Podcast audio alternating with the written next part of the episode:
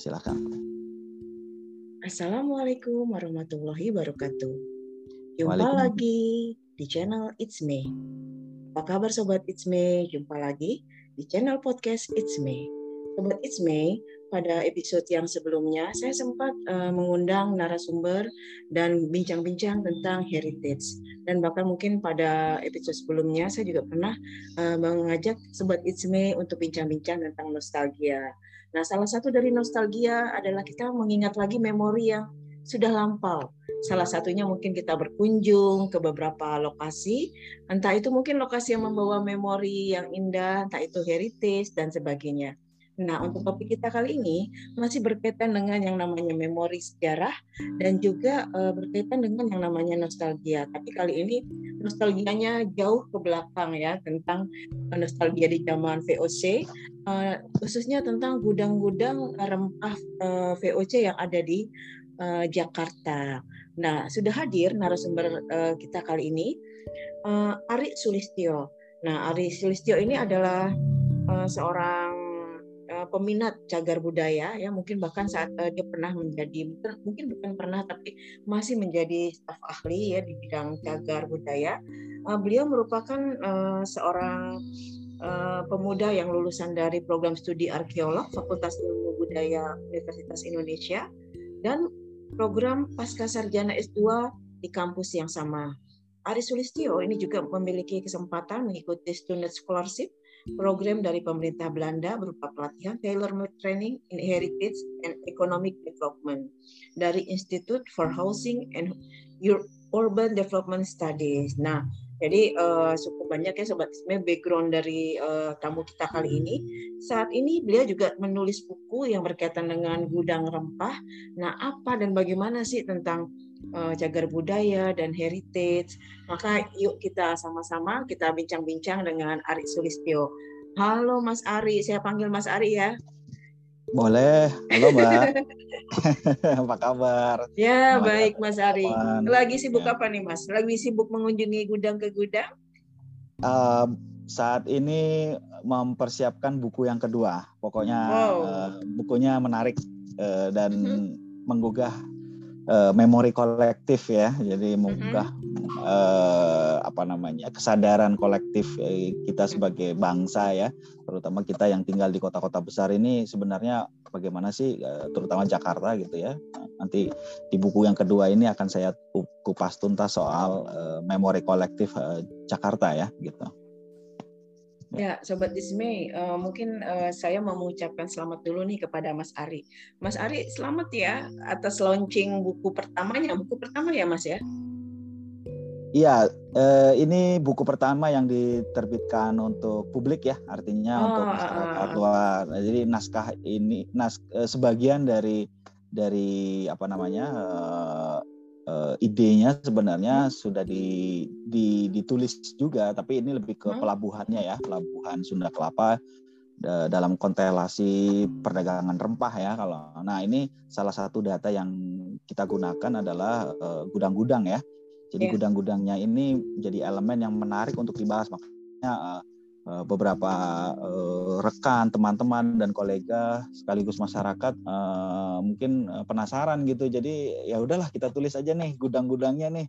Gudang-gudang VOC zaman dulu tuh seperti apa sih yang ada di Jakarta ya? Bukan ini bisa dipastikan mungkin 20 30 tahun ke depan mungkin sudah sudah sudah tenggelam gitu ya dengan dengan dengan kenaikan muka air laut karena dari segi lokasi eh, gudang-gudang ini terletak di pantai utara Jak pantai utara Jakarta terutama di daerah Sunda Kelapa gitu. Makanya eh, sisa-sisa pergudangan ini perlu kita ungkap gitu Mbak. Jadi ini menariknya nih dari dari orang eh, teman-teman yang khususnya yang tinggal di Jakarta gitu kan. Jadi gimana melihat Jakarta itu dari kacamata eh, sejarah gitu ya sejarah budaya terutama dan bagaimana perannya uh, pada waktu itu Jakarta dalam uh, perdagangan global ya, perdagangan antar uh, pulau maupun perdagangan uh, internasional.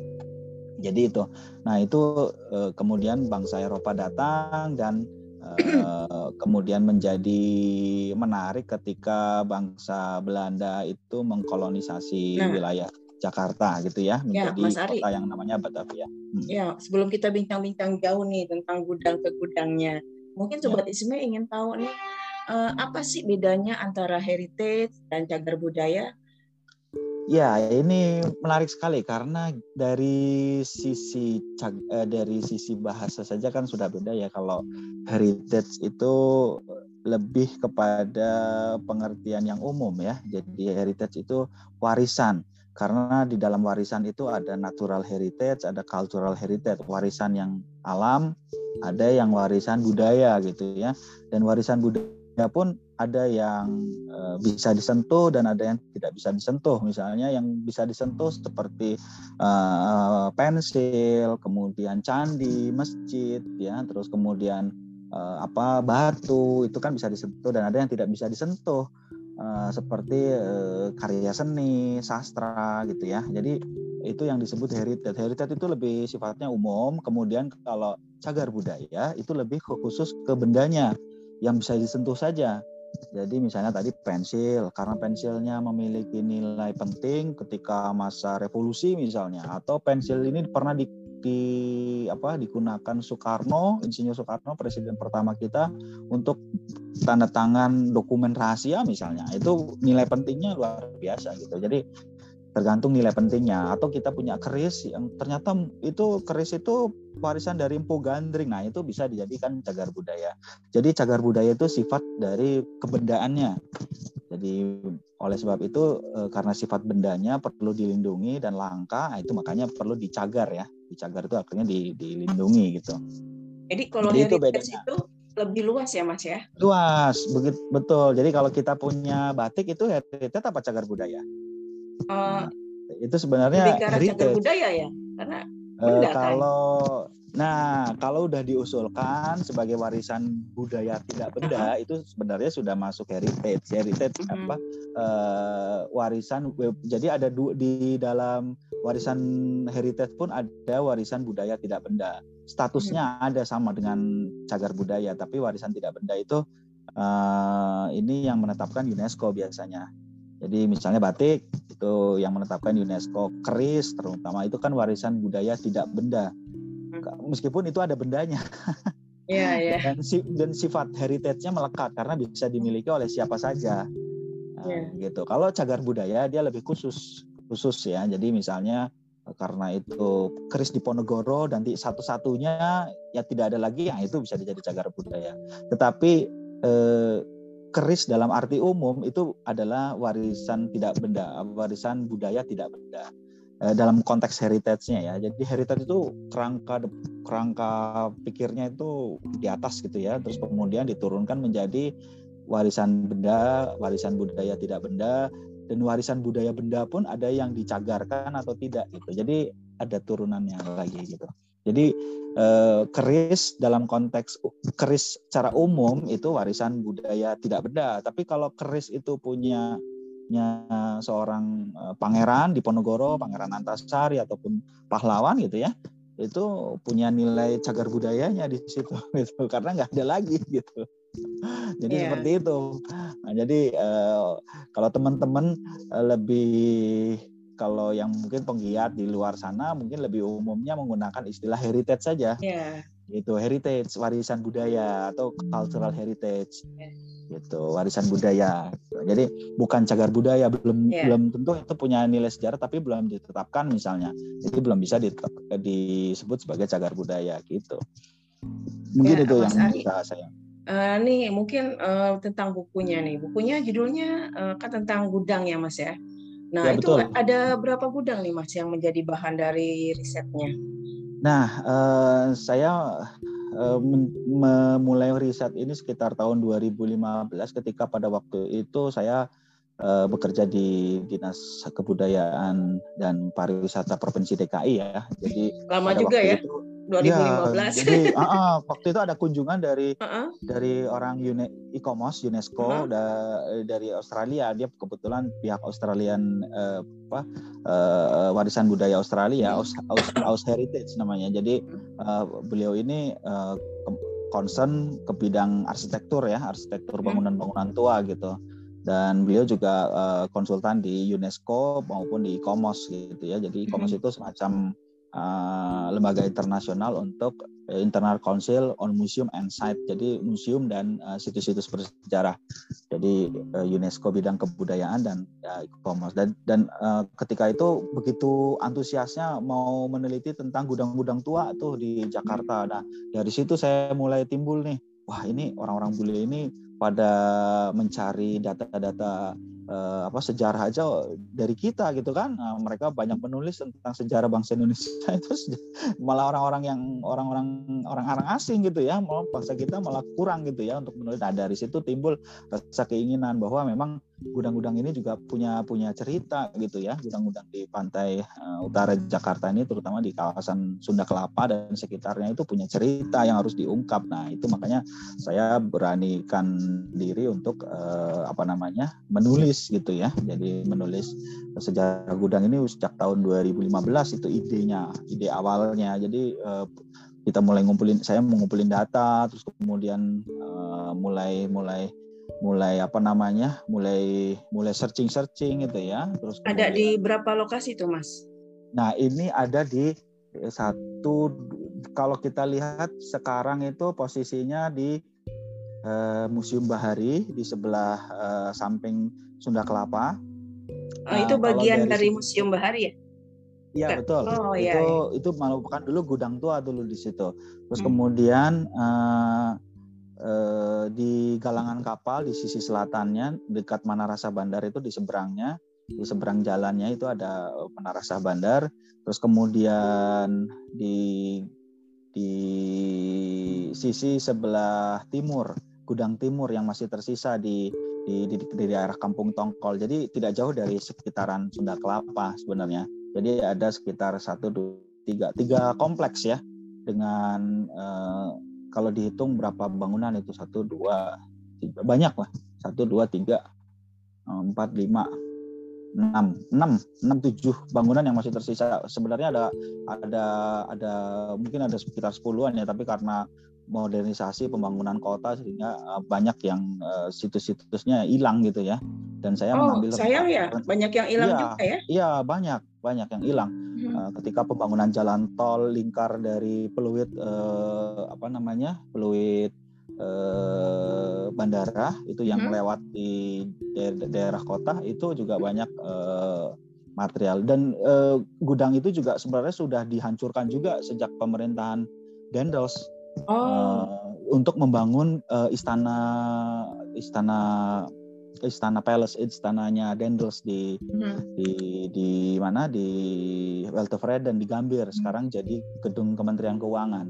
Itu yeah. dulu bekas bekas materialnya dari gudang lama dari dari tembok Batavia dan sebagian gudang uh, apa namanya uh, sebagian tembok uh, Batavia itu.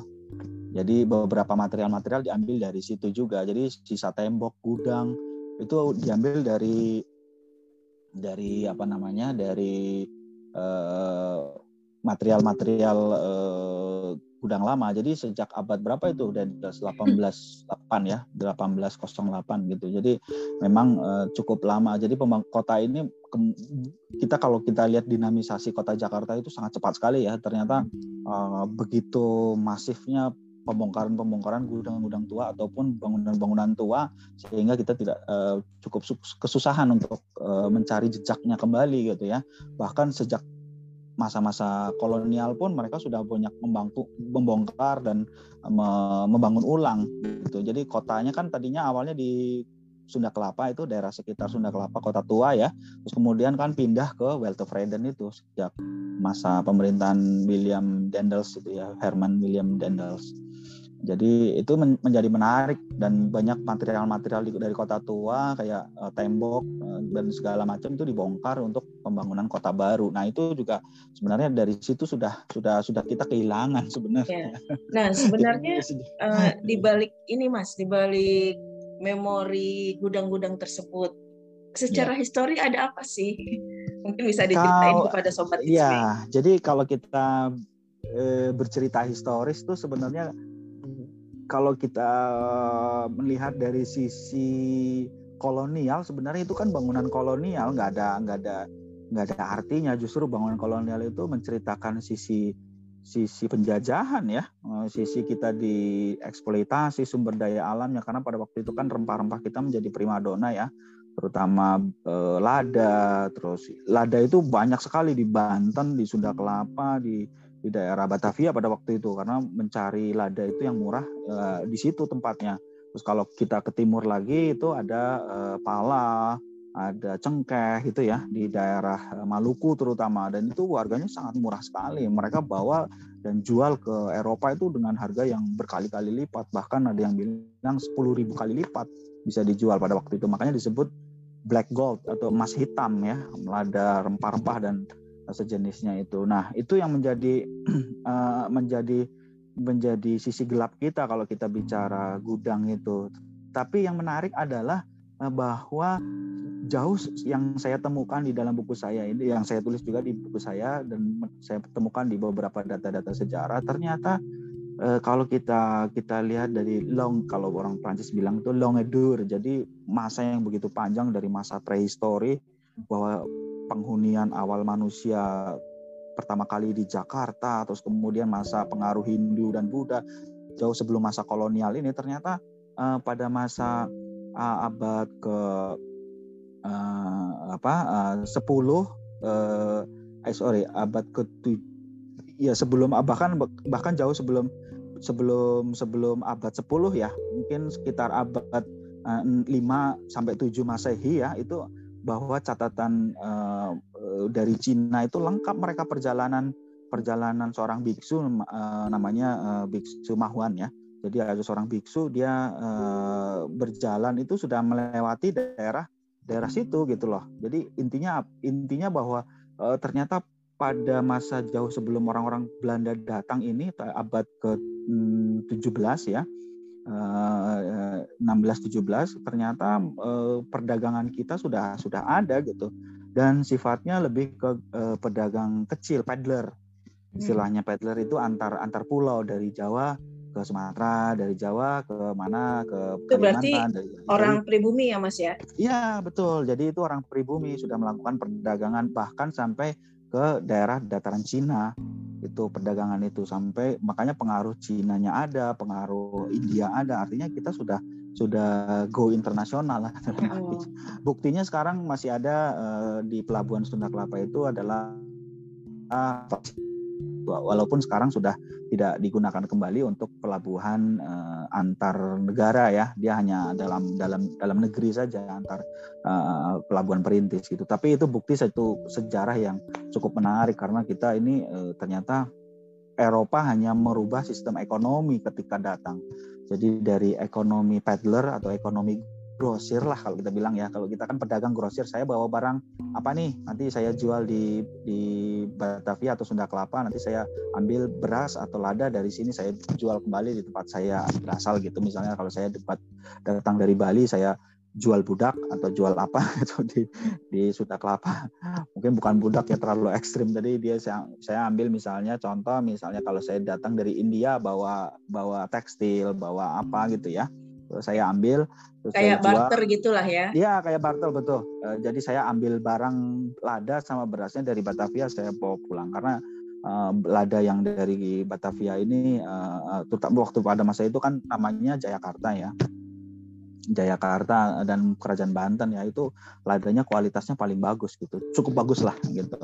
Jadi harganya mahal gitu ya. Jadi itu yang menjadi menarik ya. Jadi pedagang pedagang pedagang kita bilang peddler lah, pedagang perantara atau pedagang grosir kecil-kecil itu sudah sudah hidup pasar itu sebenarnya sudah ada sistem pasar gitu. Tapi ketika Belanda masuk dia mengubah sistem ekonomi uh, uh, pasar itu uh, dengan uh, sistem yang monopolistik atau penguasaan yeah. terhadap uh, sumber daya alam uh, ataupun rempah-rempah tertentu ya. Jadi mungkin juga uh, lebih canggih ya Mas ya. Ya lebih canggih karena dia kan uh, skalanya lebih besar. Ketika datang yeah. kan ton tonase kapal-kapalnya lebih besar sekali gitu. Dia bawa berapa ton juga bisa gitu. Mm-hmm. Itu kan kalah gitu kalau pedagang-pedagang yeah. lokal kalau di, dihadapkan. Sama lah kalau kita uh, ada warung yang besar gitu kan dengan uh, convenient atau minimarket kan udah beda gitu kan pedagang dengan pedagang kecil gitu. Jadi seperti itu. Sebenarnya uh, pemodal mereka sebenarnya pemodal awalnya, pedagang pemodal ya. Jadi membeli dengan sistem ijon terus kemudian mereka angkut kalau udah matang uh, tetapi kemudian melihat bahwa harganya tinggi akhirnya diponopoli gitu. Jadi itu sebenarnya uh, untuk untuk melancarkan aksinya kan kemudian melakukan perjanjian dengan Banten supaya dapat tanah di Sunda Kelapa kemudian dibangun kota uh, awalnya kan sebenarnya benteng dulu kan benteng kecil terus kemudian menjadi satu satu apa kota pelabuhan gitu ya terus jadi kota Batavia dan yeah. ya sekarang kita lihat jadi kota Jakarta ya jadi uh, menarik nih sebenarnya nah itu sisa-sisa elemen kotanya masih ada yaitu iya. gudang-gudang tuanya nah gitu. itu kalau gudang-gudang tua itu fungsinya semua sama ya mas ya buat menyimpan rempah-rempah atau gimana Ya, jadi uh, kalau di bu, uh, buku saya sebenarnya sudah pernah ditulis uh, para peneliti sebelumnya ya memang, uh, tapi yang menjadi menarik uh, di gudang ini ada dua hal yang berbeda ternyata. Uh, jadi di satu kota Batavia itu yang kita sebut kota Jakarta tua ya, kota tua Jakarta itu eh, tidak seperti sekarang ya ada gedung tinggi ada macam-macam. Dulu kotanya cuma 1,1,2 sampai 3 meter persegi lah dari Sunda Kelapa sampai apa namanya uh, stasiun kota. Jadi kotanya cuma dari Sunda Kelapa sampai stasiun kota itu kota itu segitu tuh kecil, nggak terlalu besar ya. Nah itu ada kanal-kanal ke situ. Nah di gudang itu di lokasinya di sisi sebelah utara dekat Sunda Kelapa itu dibagi menjadi dua gudang barat dan gudang timur. Gudang barat itu terletak di Eh, apa namanya di uh, Museum Bahari itu gudang barat dan gudang timur sekarang sebagian sudah hancur.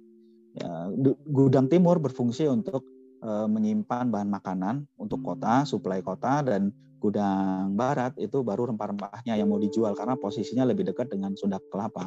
Nanti kalau kita ada waktu deh bisa lihat di sana gitu. Jadi ceritanya menarik gitu kemarin waktu tanggal 25. Saya sih waktu Wah, antusias sekali saya dulu waktu apa IHH jalan tuh sempet tuh tapi eh, nggak uh, tahu apa Mas Ari ada atau enggak ya waktu ya. kita jalan-jalan ke pelabuhan bahkan sempat naik apa perahu tuh kan ya. sempat juga ke uh, ke gudang tapi apakah semuanya tuh saya juga lupa deh waktu yang sebelum ya. covid nah.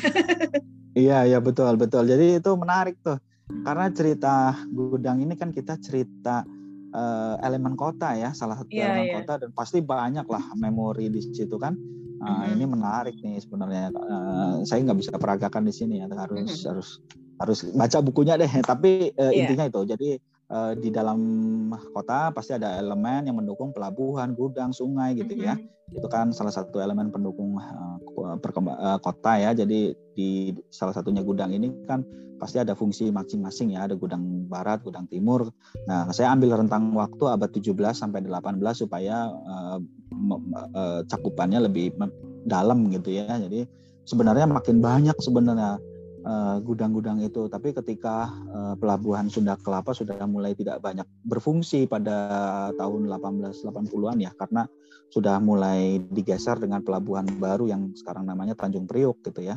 Kan pelabuhan Tanjung Priuk itu kan pelabuhan yang eh, modern kan karena pada waktu itu kapal-kapal tidak bisa lagi uh, apa namanya bersandar di pelabuhan Sunda Kelapa dia pelabuhannya bukan pelabuhan uh, modern dia pelabuhan alami alam jadi karena alam dia membawa lumpur karena dia kan terletak di lokasi muara sungai Ciliwung ya. Jadi dia membawa lumpur Ciliwung terus kemudian kapal-kapal yang besar tidak bisa masuk. Jadi terhalang oleh sedimentasi lumpur di tengah-tengah di tengah-tengah uh, muara sungai tengah laut muara sungai. Jadi uh, orang Belanda dulu namanya bilang Rede, Rede van Batavia. Jadi itu semacam uh, pulau pulau pulau sedimentasi kecil. Jadi kapal itu terhalang masuk ke kota gitu. Ya, kalau sekarang kan pelabuhannya dikeruk ya, jadi yeah. kapal-kapal besar kan bisa merapat. kalau dulu alami, pelabuhan Sunda Kelapa itu termasuk jenis salah satu pelabuhan alami yang yeah. dimiliki gitu. Nah, jadi ini mas dari tujuh gudang itu, apakah uh, semuanya kondisinya itu masih bagus tuh? Maksudnya ya masih ya, inilah. Yang masih uh, bagus, yang yang masih bagus justru uh, komplek musim bahari ya itu kan satu dua. Mungkin karena tiga, di tiga ini bangunan ya. ya ya dijaga yang yang yang rusak cukup cukup uh, apa namanya cukup memperhatinkan itu di gudang sisi sebelah timur. Sisi sebelah timur itu hmm. kalau kita lihat daerahnya Kampung Tongkol. Nanti kalau bisa dicek di Google ya teman-teman semua itu di daerah Kampung Tongkol. Nah, di situ ada sisa gudang. Dan pada tahun 1990-an itu ada konstruksi jalan itu sempat dibongkar gitu ya. Jadi sayang sekali. Tadinya ada satu dari peta udara tahun 50, 45 50 di buku saya saya lihat itu masih ada satu dua tiga empat. Empat apa lima gitu ya. Masih ada lima komplek di situ. Ada gudang gudang tuanya masih ada lima. Dan itu besar besar ukurannya. Gitu. Itu masih ada lima. Ya seukuran museum mandiri eh museum museum uh, bahari. Seukuran besar itu juga ya? Besar juga besar. Tapi ada ada sekitar empat atau lima gitu gudang timurnya. Cuman yang sekarang tersisa cuman satu gudang itu cuman nah, tinggal satu ya gudang itu kan uh, mungkin kita kenalnya sejak sejak zaman VOC ya Mas ya. Nah, ketika ya. uh, zaman penjajahan Belanda apakah gudang-gudang tersebut uh, dialih fungsikan atau masih uh, dipergunakan tuh Mas? Ya, eh, saya melihatnya dari konteks eh, setelah VOC ya. Jadi kalau kalau kalau kita bilang setelah VOC gudang tersebut sempat yang gudang sisi sebelah barat ya yang sekarang jadi musim mandiri itu dulu sempat menjadi markas markas apa ya? TKR apa? Markas uh, ini ya. Pernah jadi ini juga kok apa namanya uh,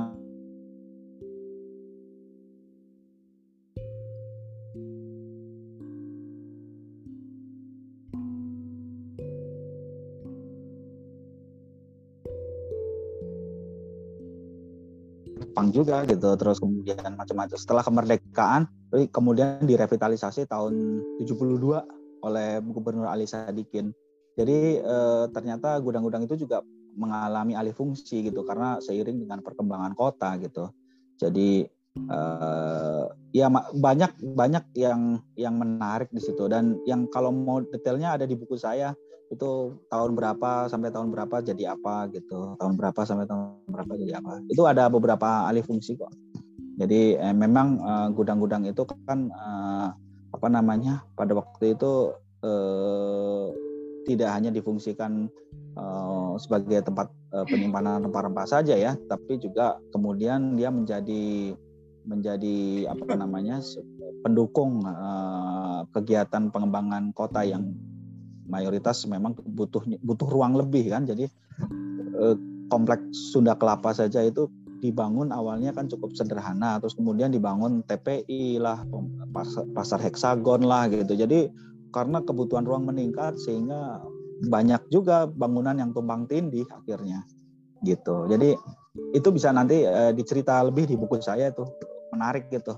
E, soal e, apa namanya e, kronologi bangunan ya pembangunan gudang-gudang itu nah, nah uh, salah satunya yang menarik itu Ya, tadi kan uh, Mas Ari cerita uh, riset sejak tahun 2015 ya. Mungkin uh, sampai tahun berapa tuh Mas? Uh, sempat mau diterbitkan tahun 2019 ya. Oh, berarti 2019. Ya, tapi karena uh, ketika COVID dimasukkan ya? ke penerbit COVID, ya betul. Hmm. Awal-awal 2000 tahun 2000 sempat covid sehingga uh, terhenti karena uh, kebetulan kan penerbit kecil ya kita uh, dari teman-teman UMKM gitu ya akhirnya uh, terpaksa kita tunda sehingga uh, ya alhamdulillah sekarang sudah bisa di, dinikmati dibaca gitu ya riset sekian lama itu jadi bisa di, di, di apa dipublikasi dan teman-teman bisa yeah. bisa bisa bisa apa namanya membacanya gitu. Hmm. Nah, biasanya nih uh, mungkin uh, sobat Isme mau tahu kalau seorang arkeolog atau mungkin uh, Mas Ari meneliti tentang situs atau cagar budaya, kalau lagi riset metodenya gimana sih, Mas? Uh, kalau biasanya sih ada satu satu pandangan kalau di dalam dunia arkeologi atau kepurbakalaan itu teman-teman yang yang fokusnya ke kampung atau desa itu ke situs-situs prasejarah yang ada di puncak-puncak bukit atau ke mana.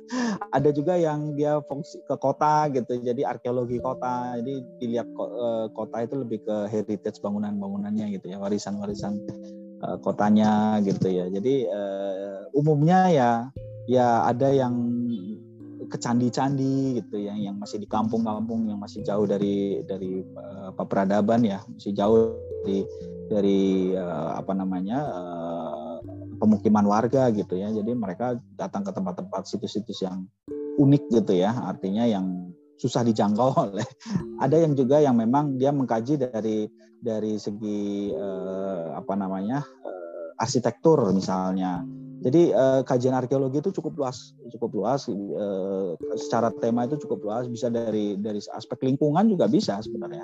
Jadi misalnya metode wawancara sih? juga ya? Iya ada wawancara juga. Hmm. Jadi selain kita melakukan penggalian ekskavasi, kita juga eh, ada juga untuk konservasi kan pelestarian kita melakukan wawancara misalnya Uh, terus kemudian kalau untuk pemanfaatan untuk uh, pendaya gunaan gitu kita kan harus wawancara ke masyarakat seperti itu. Jadi uh, ya sebenarnya ini uh, tuntutan zaman ya sehingga ilmu itu juga uh, dinamis gitu ya. Jadi kembali lagi bahwa tidak hanya dimiliki oleh satu disiplin saja tapi uh, heritage ini kan for all ya semua yeah. bisa bisa bisa ikut uh, membangun uh, memberikan interpretasi memberikan uh, apa namanya uh, sumbangsih pemikiran ke, untuk uh, identitas nasional kita kan sebenarnya warisan budaya yang kita miliki kan sama aja identitas kan identitas budaya kita gitu batik keris candi borobudur gitu ya itu kan identitas budaya kita gitu gitu.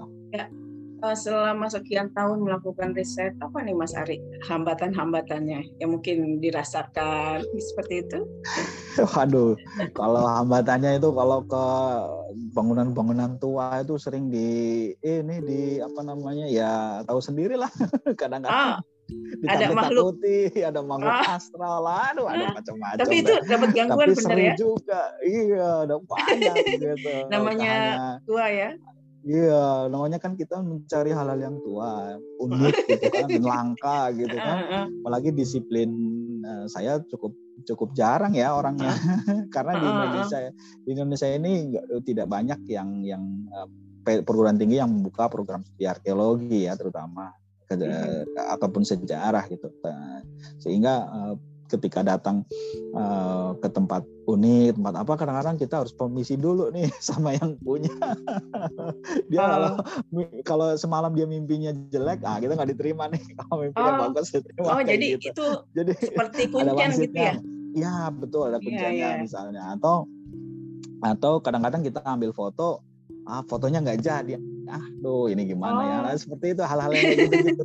itu sering sekali terjadi atau kadang-kadang kadang-kadang itu uh, saya pernah bawa teman teman uh, mbak survei ke daerah uh, uh, hutan gitu ya mm-hmm.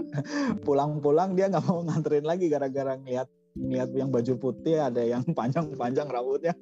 Sampai nggak eh, kayak gitu. Jadi jadi ada hal-hal yang ini. Bahkan tempat situs-situs yang susah dijangkau juga itu kadang-kadang di di di apa namanya dihuni habitat uh, makhluk makhluk apa namanya hewan-hewan uh, hewan-hewan yang langka gitu ya. Uh seperti ma uh, macan lah apalah uh gitu macam-macam gitu. Termasuk ada kelawar gitu. Jadi uh, kita menemukan hal-hal yang unik sebenarnya kalau di arkeologi itu. Jadi uh, Nah, tapi uh, Mas Ari sendiri ketika mengalami tadi ya, misalnya gangguan-gangguan dari makhluk astral atau mungkin hal yang mungkin tidak kasat mata, apa tuh yang dilakukan? Kalau kalau makhluk tahu.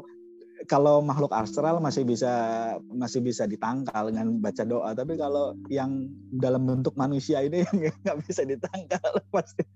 Kadang-kadang maksudnya dalam bentuk manusia Iya, maksudnya dalam bentuk manusia itu ya misalnya ketika kita mau masuk situs atau masuk tempat tertentu dimintain duit, palakin, oh, nah, iya. dipalakin, iya, iya. atau uh, seperti itu. Jadi memang uh, ini tantangan ya, tapi uh, menarik gitu. Jadi untuk melihat uh, sejarah itu kita butuh butuh kesabaran dan uh, apa namanya ya eh, minat yang tinggi ya untuk untuk untuk mengatasi rintangan-rintangan hal-hal yang seperti ini gitu. Nah. Ya, uh, terakhir Mas Ari, mungkin Mas Ari mau memberikan semacam sepatah atau dua patah kata, itu mungkin yang berkaitan dengan uh, sejarah situs uh, atau mungkin berkaitan dengan topik uh, memori gudang VOC saat ini, silakan Mas Ari. Ya, jadi uh, uh, uh, uh, kunjungi lind, uh, lindungi dan lestarikan. Nah, uh, jadi teman-teman kalau mau uh, minat uh, apa mau tahu sejarah mau minat terhadap sejarah gitu ya uh, itu harus kunjungi uh, lestarikan dan lindungi ya lindungi dan lestarikan. Itu artinya ya kita punya punya narasi yang besar cerita sejarah kita besar banyak gitu ya. Artinya uh, dan itu perlu di diungkap gitu ya. Jadi karena uh, ini juga untuk uh, apa uh, bagian dari pengembangan salah satu pengembangannya kan wisata ya wisata. Itu salah satu pengembangannya sebenarnya banyak pengembangan pengembangan pengembangan yang lain. Tapi yang paling paling umum yang kita lihat kan pengembangan wisata. Jadi uh, dengan dengan teman-teman seperti IHH komunitas IHH atau komunitas komunitas pencinta sejarah itu eh, bentuk satu salah satu bentuk uh, bagaimana mem memanfaatkan kekayaan sejarah kemudian menjadi satu apa namanya ya ekonomi baru ya ekonomi kreatif ya seperti walking tour gitu terus kemudian apa namanya uh, digitalisasi uh, gudang-gudang misalnya jadi digitalisasi sejarah atau segala macam jadi film gitu ya. Itu itu sebenarnya salah satu produk yang yang yang baik gitu ya terutama dari uh, arkeologi sejarah maupun ilmu-ilmu kebudayaan lain. Jadi uh, itu mungkin uh, yang menarik adalah jangan uh, pernah meninggalkan sejarah jangan pernah uh, apa namanya uh, melupakan sejarah uh, jas merah gitu. Yeah. yeah, yeah. Dari yeah. dari Bung Karno bukan saya ya. Iya yeah, yeah. benar karena juga katanya kan bangsa yang besar adalah bangsa yang memahami sejarahnya ya seperti itu. Apalagi Betul. sekarang era digital nih Mas anak muda ini tantangannya kan senangnya ke budaya luar. Ya mungkin ya yang ada di sini mungkin mungkin kalau tidak ada yang care bisa aja mungkin tadi dilupakan ya seperti itu. Ya. Ya, jadi ya itu tantangannya salah satunya dan tantangan yang lain juga ada sebenarnya. Seperti apa uh, ah ini dari segi ekonomi kurang menguntungkan gitu loh karena memang uh, prosesnya lama dan uh, hasilnya mungkin sedikit gitu ya dalam tanda hmm. petik gitu.